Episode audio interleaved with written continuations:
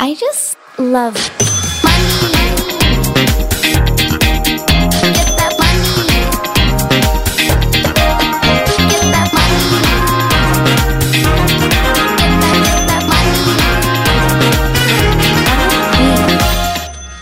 God mandag, og velkommen tilbake til en ny episode av Karrierekvinne podcast.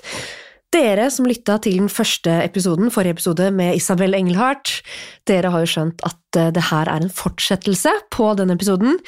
Jeg har lært så utrolig mye de første tre kvarterene, og jeg gleder meg til å ta dere med inn i tre nye deilige kvarter med denne kloke dama.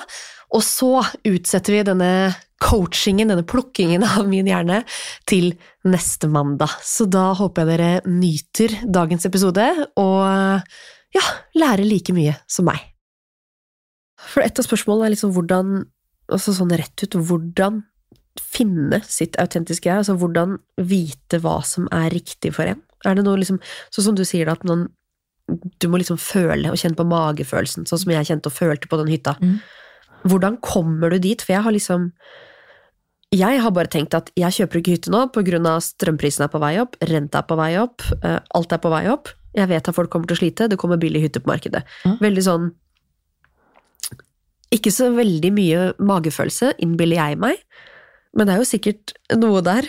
Men altså, hvordan klare da å lytte til sin egen magefølelse og finne ut av hva man faktisk vil og skal? Et stort spørsmål, men Det er en trening, treningssak. Ja. Dette er clouet. Det Få se. Mm, jo, dette er faktisk clouet. Skal du klare å finne ut det autentiske deg og finne magefølelsen din, så må du være villig til å høre. Ja. Du må være villig til å høre, det er nummer én. For å høre må du skru av all, eh, ikke all, men du må skape rom og tid for det. Nå har du hatt nok erfaring i din hytte, båtkjøp, huskjøp, til at du har lært deg å høre den stemmen der. Ja. Innimellom er den veldig høy, andre ganger er den veldig subtil og lav.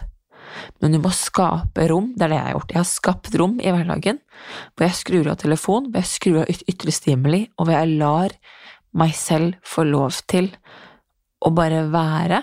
Kjede deg. Ja, du må kjede deg. For det er der ideene kommer. Kjede deg, gå på tur uten Mm. musikk, eh, snakke høyt til deg selv. Funker superbra for meg. Skriving. Du må sette av tid til deg selv. For å si det sånn, da. Hvis du og jeg um, Hadde du villet spurt, gitt meg dine råd, hvis jeg hele tiden avviste deg? Mhm. Hadde du lyst til å snakke med meg hvis jeg hele tiden sa avviste deg? Hvis du hele tiden satt og sa hallo, Nei. Hallo. Hallo. Nei. Hva er forskjellen på det og deg og deg? Hva er forskjellen på det og magefølelsen din? Ja, du overser din egen magefølelse. Jepp. Hvorfor er ikke så viktig? For husk på en magefølelse kan du ikke forklare. Mm. Eller instinkter. Noen tenker magefølelse sånn Andre kjenner det på instinkter. Det kommer ideer. Hvordan denne kommunikasjonen og den stemmen snakker til deg, det er veldig individuelt. Men ønsker du å ha den dialogen, så må du tørre å begynne å prate. Ja.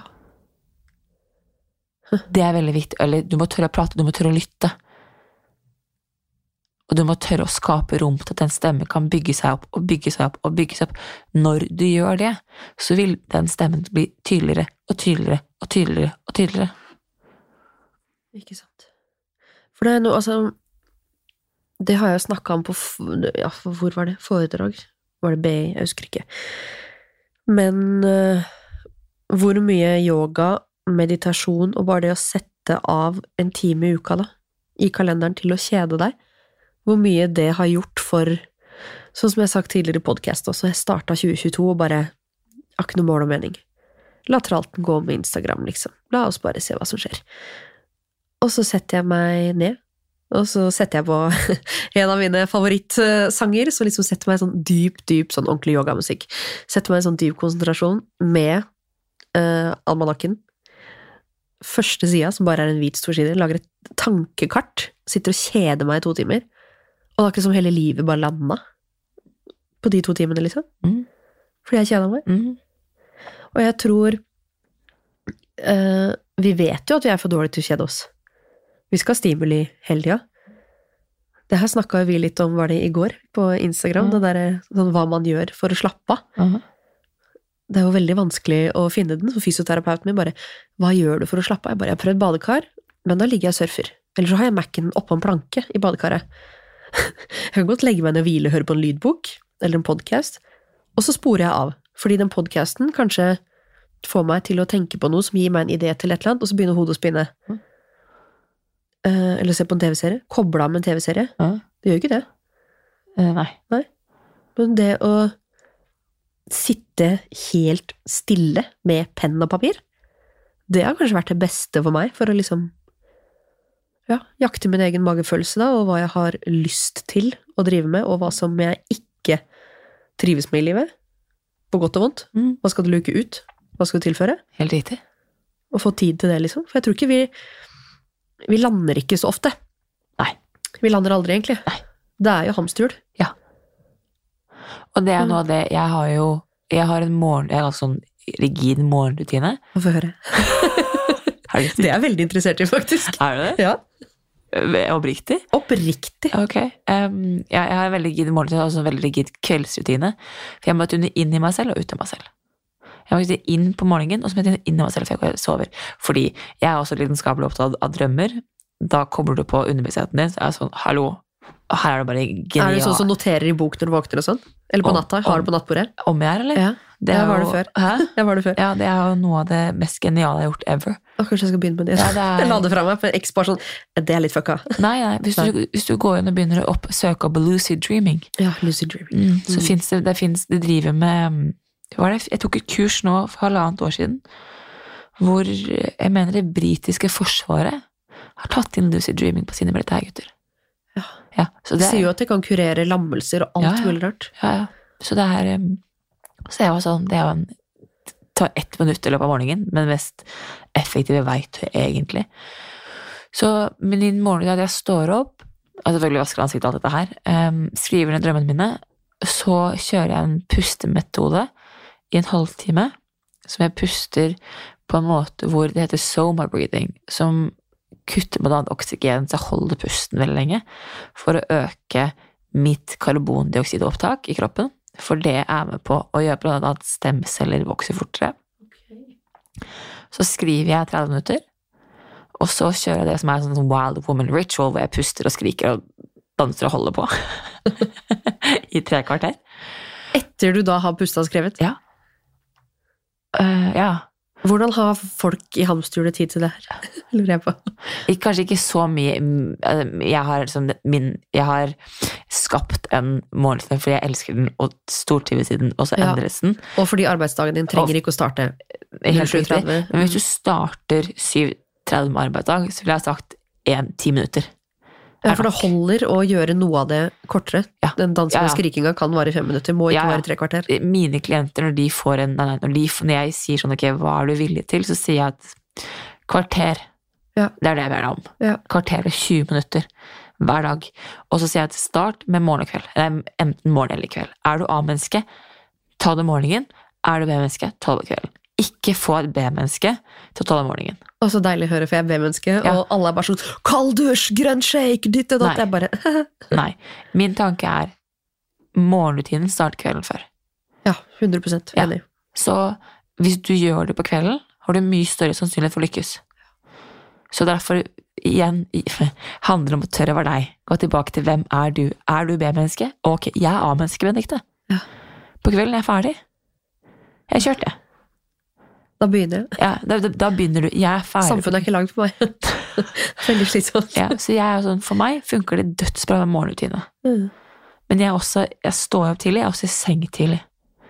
Andre mennesker, hvor natten er deres greie. Supert. Men do you?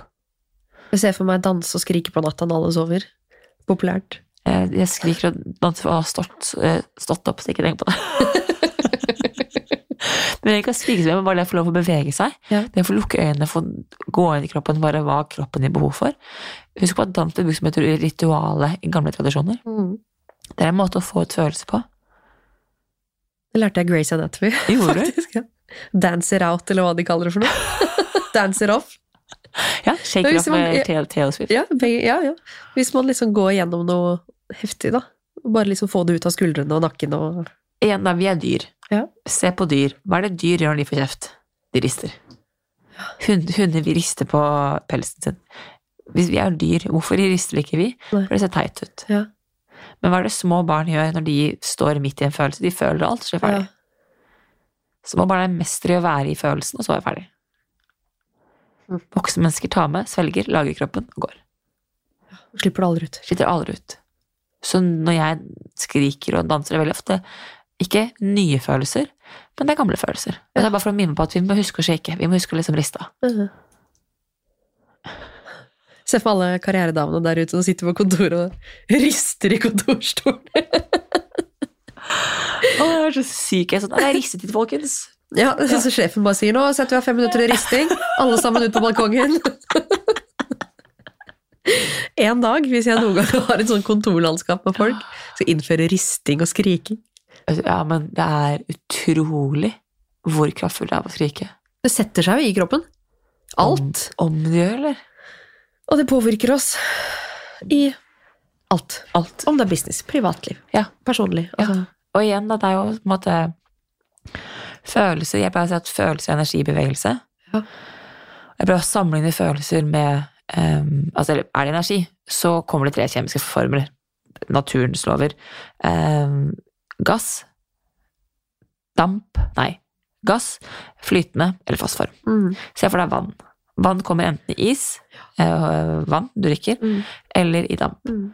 Så jeg ser at følelse er en flytende form, kommer som vann inn i kroppen. Har du to valg. Så kan du skru opp temperaturen og føle det du har behov for å føle. Mm. Slippe følelsen, det blir damp. Eller skal du legge lokk på følelsen, skru ned sant. temperaturen, og så lagre den i kroppen. Veldig mange mennesker skrur ned temperaturen, lager den i kroppen.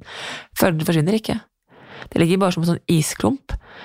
Og når den blir reaktivert, trigget, det er noe gammelt som kommer opp, Ja. samme følelse på nytt igjen. Men du snakker veldig mye om følelser. Ja. Hvordan, altså Skal man også snakke mye om følelser i arbeidslivet? Fordi jeg er jo uh, i mine kanaler veldig åpen om ja, hvordan jeg har det, hva jeg føler, hele den regla der. Men altså, jeg har også fått kritikk på liksom å nei, nå, nå syter du for mye, eller nå er det for mye, eller nei, nå et eller annet sånt. Ikke direkte til meg, men som for eksempel at folk har sagt til kollegaen min sånn ja, nå syns jeg, nå tror jeg Benikte har det veldig tøft og veldig tungt, og nå er det mye klaging på Instagram. Mens jeg, i, for meg selv, tenker at folk skal se baksiden også. Og i arbeidslivet, det å tørre, da, hvis du har en sjef, eller om det er altså, hva som helst um, Istedenfor å lage unnskyldninger for hvorfor ting ikke blir gjort, eksempel, og heller få si rett ut hva årsaken er. Jeg tror i hvert fall på det, men hva tenker du om det følelser i arbeidslivet? For man skal jo bare ta på seg en maske og være business, liksom. Gjøre jobben. Her tenker jeg på det jeg sa i sted. Mitt Ja. mantra. 100% ansvar for hvordan jeg føler det her og nå. Ja. Mine reaksjoner. Du Ja. kan ikke få ansvar for hvordan andre mennesker oppfatter deg. Nei. Selv sjefen. Selv sjefen. Ja. Du er kun ansvarlig for hvordan du oppfatter deg. Mhm. Du er selv, og du har en visjon, du har et ønske om å dele baksiden. Ok, det er jo du som tar ansvar for dine følelser. Ja. Så får dine lyttere og følgere og sjefen din velge å ta ansvar for sine. Ja. Hvis de blir trigget, gammel følelse i som varmes opp, det er deres, det er ikke ditt. Jeg mener at vi i arbeidslivet burde bli mye bedre til å snakke om følelser. Ja. Jeg tror så mye av utbrenthet, prestasjonsangst, Yes. eh, skuffelse, frykt Altså, det er så mye som kunne endres bare ved å ha hatt en dialog om følelser. 100 ja. Det er så, deilig at du er enig. med, oppriktig, men Ja. også generelt, generelt i samfunnet. Mm. Hadde folk turt å snakke om at behov for å passe inn, behov for, for det kjente som er kjent kontra det som er ukjent, altså alle disse tingene her, så tror jeg jo at folk hadde kjent at det var mye bedre på jobb. Mm. Fordi hvis folk kan snakke om det de føler på, så føler de seg sett og hørt. Mm. Når du tar på deg maske, og du er Benedicte, pleasing Benedikte, så vil du aldri føle deg validert i hvem du er. Men hvis noen ser deg for den du er, da føler jeg sett og hørt. Og det er ikke noe mer kraftfullt menneske enn det jeg føler sett og hørt. For da føler jeg at jeg kobler på hverandre. Ja, for det er det jeg føler at det gjør godt for meg, og så tror jeg det gjør godt for folk å se at den kalde businessdama også har den derre følsomme, varme sida hvor shit, i dag har jeg en drittdag, eller shit, nå gikk det til helvete. Å være åpen om det, Eller om du kommer på jobb, da, og du har en dårlig dag. Hvorfor har du en dårlig dag? Istedenfor bare å si 'nei, jeg kom litt seint i dag fordi, fordi det var trafikk', eller bare sånn du vet hva, jeg starta dagen, jeg. Trass treåring, jeg har krangla, vi har grini, ting Bare, bare Jeg tror jeg kanskje oversharer noen ganger, men jeg tror jo i hvert fall på det, da, at man blir møtt med mye mer forståelse i egentlig Altså i alle roller man har, hvis man tør å snakke mer om følelser. Du begynner å du, Det jeg tenker at du gjør, at du begynner å avkode noe som er en uforklarlig greie. Husk på at vi, er, vant, vi mennesker føler jo følelser. Ja. Du kan ikke tenke før du føler en følelse. Så du kan gå inn i et rom, hvis ikke du sier at det er noe galt med deg, men ja, sorry, jeg kom for sent, Ja. men så kan man kjenne på hele deg at Mm, du er er- off, du gjør en dårlig jobb, du henger litt etter, Ja. altså du er ikke med i samtaler. Nei, og så kan du si hva enn du vil si, og så hører jeg på hele måten du snakker på at hæ, hæ, hæ, her er det et eller annet som ikke stemmer. Hvis du kan fortelle meg, jeg vil komme inn i rommet at hei, du, jeg har hatt en ræva morgen, treåring, ah, det bare, ja. Mm. Så gir du også en forklaring på en slags rosa elefant som ellers ville stått i rommet. Ja. Det gir en enorm eh, frihet i å slippe å måtte fokusere på den. Ja. Fordi selv om ikke du snakker om den, så vi syns den veldig, veldig Ja. godt.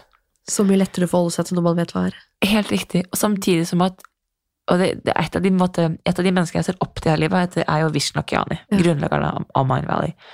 Og um, det var så interessant, for jeg måtte flytte hjem til Norge, så hadde jeg holdt på med livsmestring et år. Jeg følte jeg feilet livet. Ja. Husk på det. Jeg skulle hjem, jeg ville ikke hjem. Jeg ville feile livet, for livet straffet meg. Klassisk off-mentalitet Mm. for dette her. Og så hører jeg et intervju med Vishen Lakiani og Michael Beckwith, som er liksom mine to store. Og så hører jeg at Vishen Lakiani faktisk Michael Beckwith kommenterer at Vishen Lakiani er off-mentalitet. Uh. Ja, og da var jeg bare sånn Takk Gud for at det er to. at, at du som har gjort dette her i 15 år, gikk på en smell du òg. det er så det er deilig. deilig. Ja. Og jeg tror det er det folk trenger. Mm. Fordi hvis ikke vi deler, hvis ikke vi, vi gjør dette her, så skap, tror jeg at vi skaper et større prestasjonspress Ja. til å bli perfekt. Og det er det er ikke sunt for oss. 100% ikke. Så jeg mener at det å få skape mer åpenhet, Mm. det vi skaper, Der er jeg egentlig veldig enig med Brynne Brown, at det å ha mer åpenhet om følelser vil skape innovasjon, kreativitet og inspirasjon på en helt annen måte. Ja, for det er lett å tenke at ja, businesskvinne veldig Man blir jo litt sånn Å ja, ja, hun har PMS. Mhm. Å ja. ja. Nei, oi, mye følelser. Oi, hun er en bitch. Mm. Det er jo ikke lett som kvinne å ta en lederrolle, for eksempel, da. Og samtidig liksom Ja, følelser. Feminine følelser i en business-sammenheng, hvis du jobber med menn. Jeg føler at det er liksom nesten liksom sett ned på. Hvordan kan man snu det? Å, hun har bare PMS, det er derfor hun er sur. Eller å, hun er bare åh, gud, å, hun syter, å, hun klager, å, jeg har barn, åh. Her tenker jeg det handler om å ta eierskap til hvem du er. Ja. Og det handler om å ta eierskap til de følelsene du føler. Veldig mange mennesker, eh, gutter Jeg mener at eh, når en kvinne jeg, Jo. Jeg mener at det mest kraftfulle mennesket eller du kan finne, er en kvinne som leder. En selvsikker og trygg kvinne Mm. er en ekstremt god leder. Mm. Noe av det mest farligste på den kloden her er en usikker kvinne. Hun er ekstremt uforutsigbar. Hun kan skyte i alle vindsko, du aner ikke hvor du har henne. Min tanke er det at eh, det med business er at det er en eh, Jeg kaller det for en rule, en bullshit rule, aka Vishlagiani, som lærte meg det, som sier at kvinner i business er kalde, og følelsesmessige kvinner er svake. Der er jeg uenig. Ja, for akkurat det du sier der, som man føler litt på. Ja, det er det man, det er det man føler på. Ja. Og da er spørsmålet hvor mye av det i deg er enig? Hvor mye av det av deg er enig for å passe inn den firkanten? Fordi du er en stjerne. Pass inn i firkant for en kald businessdame. Ikke forviser noen ting. Det er firkanten. Ja. Hvordan kan du gi deg selv trygghet da til å gå ut og si 'sorry, jeg er en annen form for businesskvinne'. Mm. Her skjer det en endring. Vi er i en endringsfase. Sånn generelt rundt følelser det har vært en enorm utvikling de siste årene. Men folk må tørre å gå veien. Ja. Det at du tør å gjøre litt her, det at du, få andre, folk tør å gjøre andre ting andre steder, det skaper igjen en tillatelse til flere og flere kvinner gjør det. Og gutta, menn, de er ekstremt gode til å følge. Ja. Gutter følger, eh, de er veldig lojale menn. Så gutter vil forfølge, eh, men du må være en trygg nok kvinnelig leder til å kunne lede. Og det handler om trygghet i deg selv. Mm. Ga det et svar? Ja, men du kan ha trygghet i deg selv selv om du viser følelser. Jeg mener at du, jeg, jeg mener at du skaper den tryggheten i deg Ja. selv når du føler. For da slutter du å prøve å være alle andre, og så er du deg selv. Ja. Og det er da du kan si det du mener, det er da du får tilgang på magefølelsen, det er da du får tilgang på intuisjonen din. Jeg, mente, jeg mener å huske at hvem er som sa det, jeg tror det var sa det at innen 20, er det 2050, så vil intuisjon, intuisjonen være en ekstremt viktig egenskap for de viktigste CEO-ene i verden. Ja. Og eneste måten å ha det på, er å koble på følelsene. Mm. Faktisk.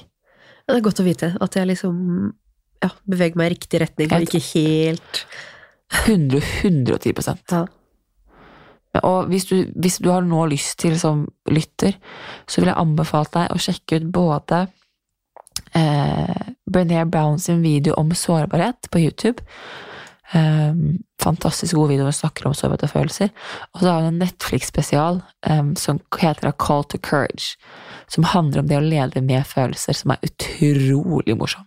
Så hun, hun snakker på en sånn Ja, ja. funny måte hvor du ler, og du kjenner deg igjen, og hun er sånn Ja, hvor mange har numme følelser med mat? Hun bare Hendene opp! Har numme følelser? Everybody. Ja, med TV. Everybody her! Så det er veldig sånn gjenkjennelig. Herregud. Men du har jo også uttalt at eh, Det har jo også litt med saken å gjøre, men egoisme og grensesetting, Ja. det er jo noe som er viktig for deg. Ja. For egenkjærlighet. Ja. Uh, og jeg er enig, men jeg syns det er vanskelig i dagens samfunn. Det syns jo alle. Vi har snakka om hamsterhjulet, men alle skal ha en bit. Hele tida. Mm.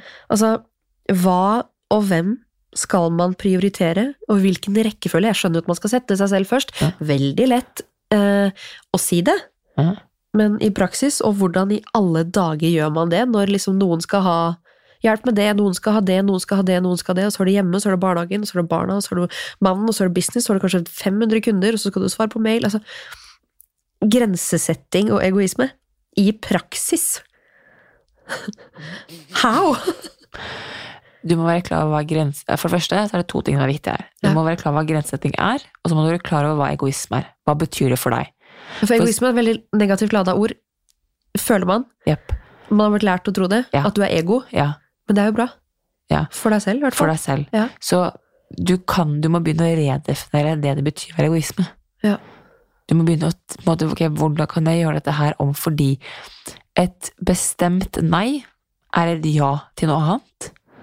Et ja er en forpliktelse. Ja. Når du sier ja til noe, så forplikter du deg. Og når du sier nei til noe, så sier du ja til noe annet. Veldig ofte sier du nei til andre, sier du ja til deg selv. Ja. Der er vi dårlige. Ja. Ja. Pleasing. Vi pleaser, vi overkompenserer. Altså den skalaen her. Min, si at min store våte, våte drøm kommer fylle når jeg kommer boken, er en understatement. Men det er overkompensering. Ja. Hvis ikke jeg gjør det, så skjer det ikke. Hvis ikke jeg ringer, så blir det aldri ringt. Altså alle disse tingene. Så vi pleaser alle andre fremfor oss selv. Men hvordan i alle dager skal du få tilgang til deg og din kraft, og hun du er ment til å være, hvis ikke du prioriterer deg selv? Det går tilbake til magefølelsen. Magefølelsen er ikke villig til å snakke hvis ikke du er villig til å lytte. Og hver gang du setter deg selv bakerst, hver gang du avlyser en avtale med deg selv, så forteller du deg selv at du er ikke så viktig. Nei. Men folk tror sånn, ok, bare, må jeg ha, må jeg ha da? Tre timer, det har jeg ikke tid til. Nei, det trenger du ikke. Men det å sette av ti minutter hver dag, og det å ikke si ja til noe med deg selv hvis ikke du kommer til å gjennomføre. Ikke sett opp den treningstiden på Alexa eller Sats eller hvor enn du trener, fordi du vet at du kommer til å bryte. Ja, det er ikke Ikke- Det er ikke noe peng. Det eneste er at du skader deg selv mer.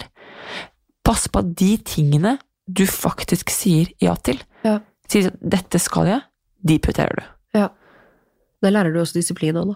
Det er helt riktig. Mm. Og, det er, og grensesetting er da å si at nei til deg er ja til noe annet. Ved at du sier nei til noen ting, sier du ja til andre ting. For eksempel sier du nei til en kveld ute, kan du si ja til familien hjemme. Ja. Si, best eksempel er å si nei i går, Isabel, kan vi avlyse podkastinnspillingen i går? Ja. Sier du ja, da sa du nei til det. Det nei var automatisk et ja til helgen du skal på familietur på. Ja. Det er en grense du satt. Mm. Og dette er noe av det jeg mener vi mennesker bør trene på. For det er veldig lett å sette grenser mot folk som syns det er greit. Ja. Det er veldig Ja, vanskelig. for det, det er ikke sikkert jeg hadde gjort mot eh, mange andre.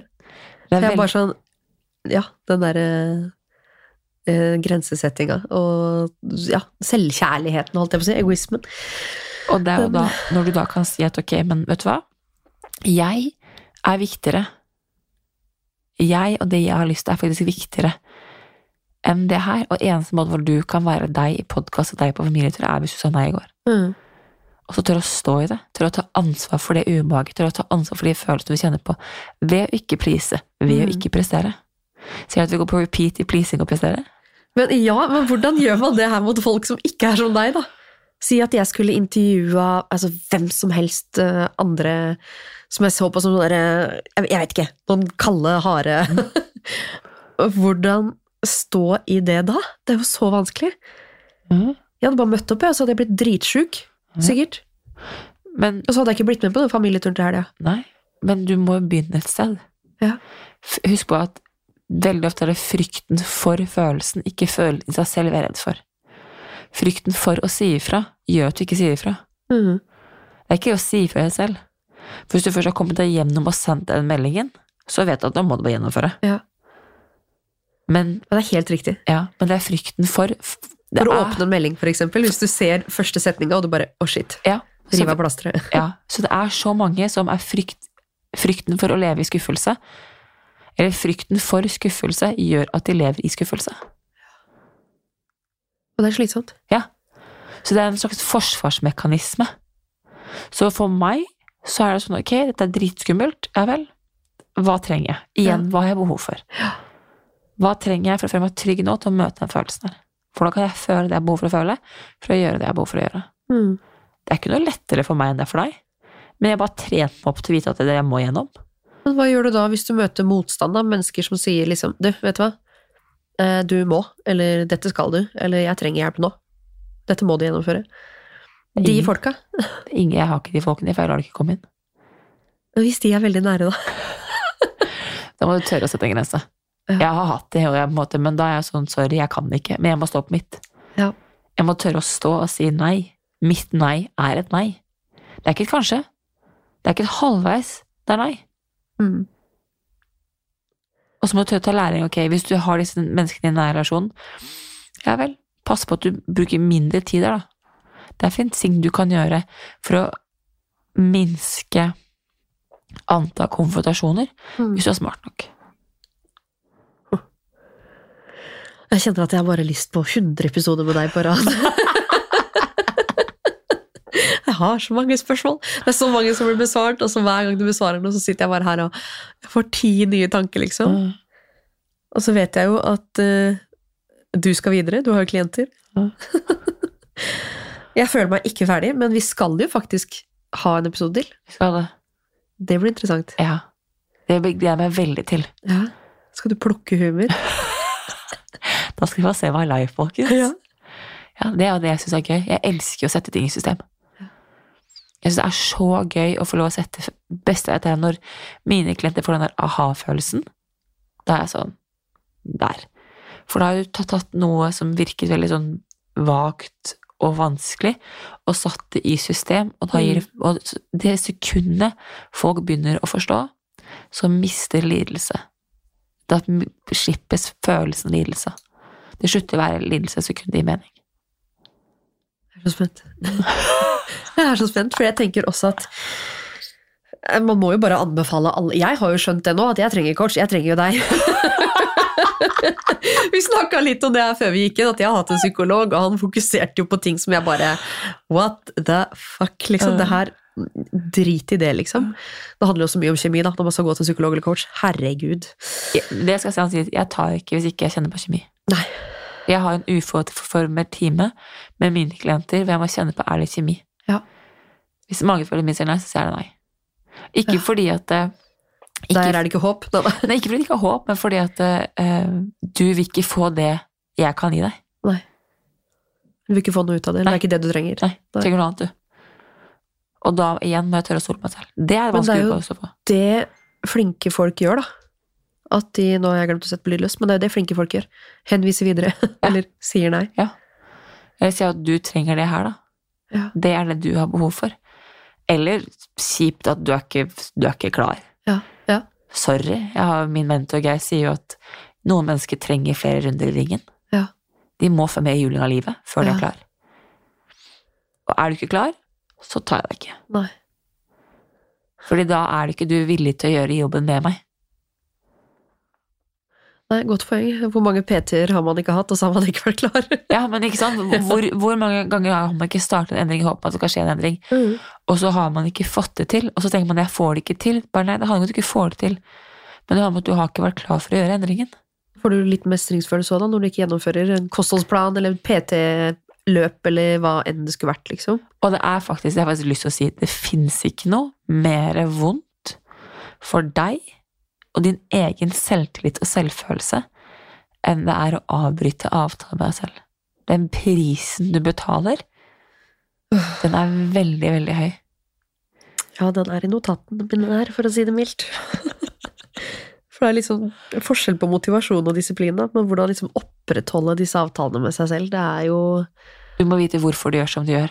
ja, Min, det som har dratt meg opp om morgenen, um, tidlig om morgenen Sånn som i dag, så måtte jeg stå opp veldig tidlig. Eller, Hvor tidlig står du opp? Det er jeg nysgjerrig på. jeg pleier å stå opp rundt fem. Ja, du er sånn 5 AM girl eh, TikTok-trend. Ja, I dag måtte jeg være opp I dag sto jeg klokken fire, fordi jeg skulle rekke å trene først. Jeg skulle løpe. Og skal jeg få gjort dette her, og dusje og være klar med klienter og måtte komme hit og rekke, så måtte jeg løpe. Da måtte jeg sove fire. Og det er jo Den timen merker du. Ja. Ja. Jeg var også i seng klokken ni i går, da, sånn skal si da. Ok, Så, ja. ja. Men da må jeg vite hvorfor gjør du, gjør det som du gjør. Hva er grunnen til at når klokken ringer, så står jeg opp? Ja. Og i dag var det for at jeg vet at hvis jeg skal kunne være meg, fullt eller hele meg, og kunne gi deg og mine klienter meg, Ja. og min liksom gave, det jeg elsker, jeg elsker å snakke om, om Ja. følelser dette her, så vet jeg at dette her er viktig for meg. Og da jeg begynte, så var det jo eh, boken til Vishnakyani, The Code of the Extraordinary Mind. Fantastisk bok, den endret livet mitt. Men han sa at han ville leve et ekstra, ekstraordinært liv, og den traff meg, Benedicte. Ja. Det vil jeg også. Jeg aner ikke hvordan det ser ut. Jeg aner ikke hva det er for noe, men det vil jeg. Men da må du gjøre noe ekstraordinært, da. Helt Ja. riktig. Da må jeg tørre å gjøre det ekstraordinære mennesker gjør. Ja. Fordi hvis du har lyst til å leve et ekstraordinært liv, så må du gjøre det ekstraordinære mennesker gjør. Hvis du ønsker å skape en business, så må du gjøre det beste mennesker gjør. Ja. Hvis du ønsker å bli en influenser, må du gjøre det en influenser med influenser gjør. Hvis du ønsker å ha bra selvtillit, må du gjøre det folk med bra selvtillit gjør. Og det dro meg. Så hvorfor du gjør som du gjør, det er en motivasjonen og drivkraften, tenker jeg da. Finne ditt hvorfor. Ja, finn ditt hvorfor. Mm. Finn hva det er som gjør at du er villig til, til å gå, fordi alle kan gjøre det her på en god dag. Det koster å gjøre det på en dårlig. Ja. Og det, Gud, hadde, ja, off, hvordan i alle dager skulle jeg holdt noen av de avtalene jeg hadde gjort med meg sjøl i kalenderen i går? altså, how? Men er ikke det også egoisme å avlyse en sånn avtale hvis du kjenner at du trenger noe annet som også er for deg? Eller, men husk på at i går så satt du deg selv foran alle andre. Ja. I men hva hvis jeg hadde droppa treningsøkta også fordi kroppen min sa i dag skal du ligge i senga? men sier kroppen at i dag skal du ligge i sengen fordi du er syk, eller sier kroppen at i dag skal du ligge i sengen fordi jeg har ikke vil. Jeg vil ikke. For jeg er motsatt. Ja, det er Det er, for, det er forskjell på det å ikke ville, Ja. eh, og det å være syk. Ja, det, at det er dumt. Ja. Ja. Mm. Altså, jeg har lært så masse, og jeg gleder meg jo helt sykt til neste episode. Og bare det å slippe deg enda lenger inn i Altså, det blir så gøy. Det blir så gøy. Jeg tror andre også kan lære mye av det, selv om du du liksom skal plukke min hjerne, da. Ja. Men at andre ja, kan liksom gjøre opp sine egne svar på spørsmåla du stiller, og, Ja. og hvordan enn du jobber. Det blir veldig spennende å se. Ja, det er veldig individuellbasert. Ja. Jeg må alltid jeg må, altså sånn, Det kommer når det kommer. Ja. Det er magefølelse og intuisjon, også, er det sant. Må prate, så må vi se hva som kommer opp. Spennende. Ja. Nei, nå kjenner jeg jeg gleder meg til eh, Bedre på livet. Boka deres kommer ut i hyllene i Ja. januar. Det gleder jeg meg skikkelig til. Eh, Så må jeg bare anbefale alle sammen å følge Isabel Engelhardt på Instagram. Masse deilige reels. Og eh, Becoming podcast. Eh, De første episodene dere slapp, det tror jeg jeg har hørt 100 ganger. Jeg bruker jo box-breathing-episoden deres når jeg liksom sitter i bilen og bare Nå trenger jeg Isabel i monitor, liksom. På motorveien og bare Må rekke barnehagen. Nei, pust. Pust. Gå inn og hør på Becoming. Og så ikke minst så gleder jeg meg til Det her har jeg ikke sagt i podkast ennå, men neste år så flytter jeg og samboeren min tre måneder til Althea. Til ned til Belinda. Ja. Så da skal jeg få mer Belinda i monitor. Å, så gøy! Ja, så da håper jeg liksom nettverket, bare det, energien hennes, livsstilen, Victoria, varmen, roa, komme seg litt vekk fra de der alle som skal ha, ikke sant, Ja. hjemme. Ja, det er liksom målet mitt nå for 2023. Og det kjente jeg at jeg var veldig glad for at du skal gjøre. Ja. Så Det tror jeg jeg trenger. Så deilig. Å få mer av den der eh, viben deres inn i livet, det kjenner jeg at jeg trenger, og nå liksom, jeg sendte Belinda på visning. Jeg bare sånn, du må finne et hus til oss. Hun har funnet hus. Det det. Så 15. september så flytter vi. Det. Få se da om vi blir der for alltid, sånn som dem. Nei da, skal ikke det, altså. Men da blir du til desember, da? Ja. Da slipper du mørketiden, og det er jo det. Jeg vet det. Korter i hvert fall litt ned på den, ja. Ja, ja. det var helt magisk. Så da må du komme ned, og du og jeg, Victoria og Belinda, vi skal yoga, vi skal trene, vi skal, Vi skal skrike, vi skal vi danse. skal skrike og danse. Ah, Jeg gleder meg. jeg også. Men gå inn, følg Isabel Becoming, og ikke minst shopp Bedre på livet, som snart kommer i butikkhyllene. Og så snakkes vi neste mandag, og så er det bare å glede seg til at Isabel skal eh, dykke inn i hjernen min. Takk for at du kom. Takk for at du ville ha meg med. Veldig hyggelig. Ha det bra! Ha det. I just love money.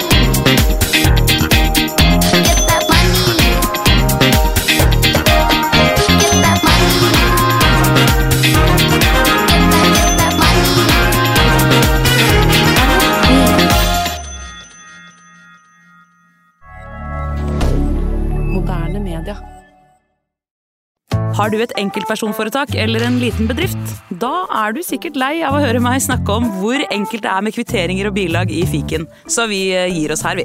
Fordi vi liker enkelt. Fiken superenkelt regnskap.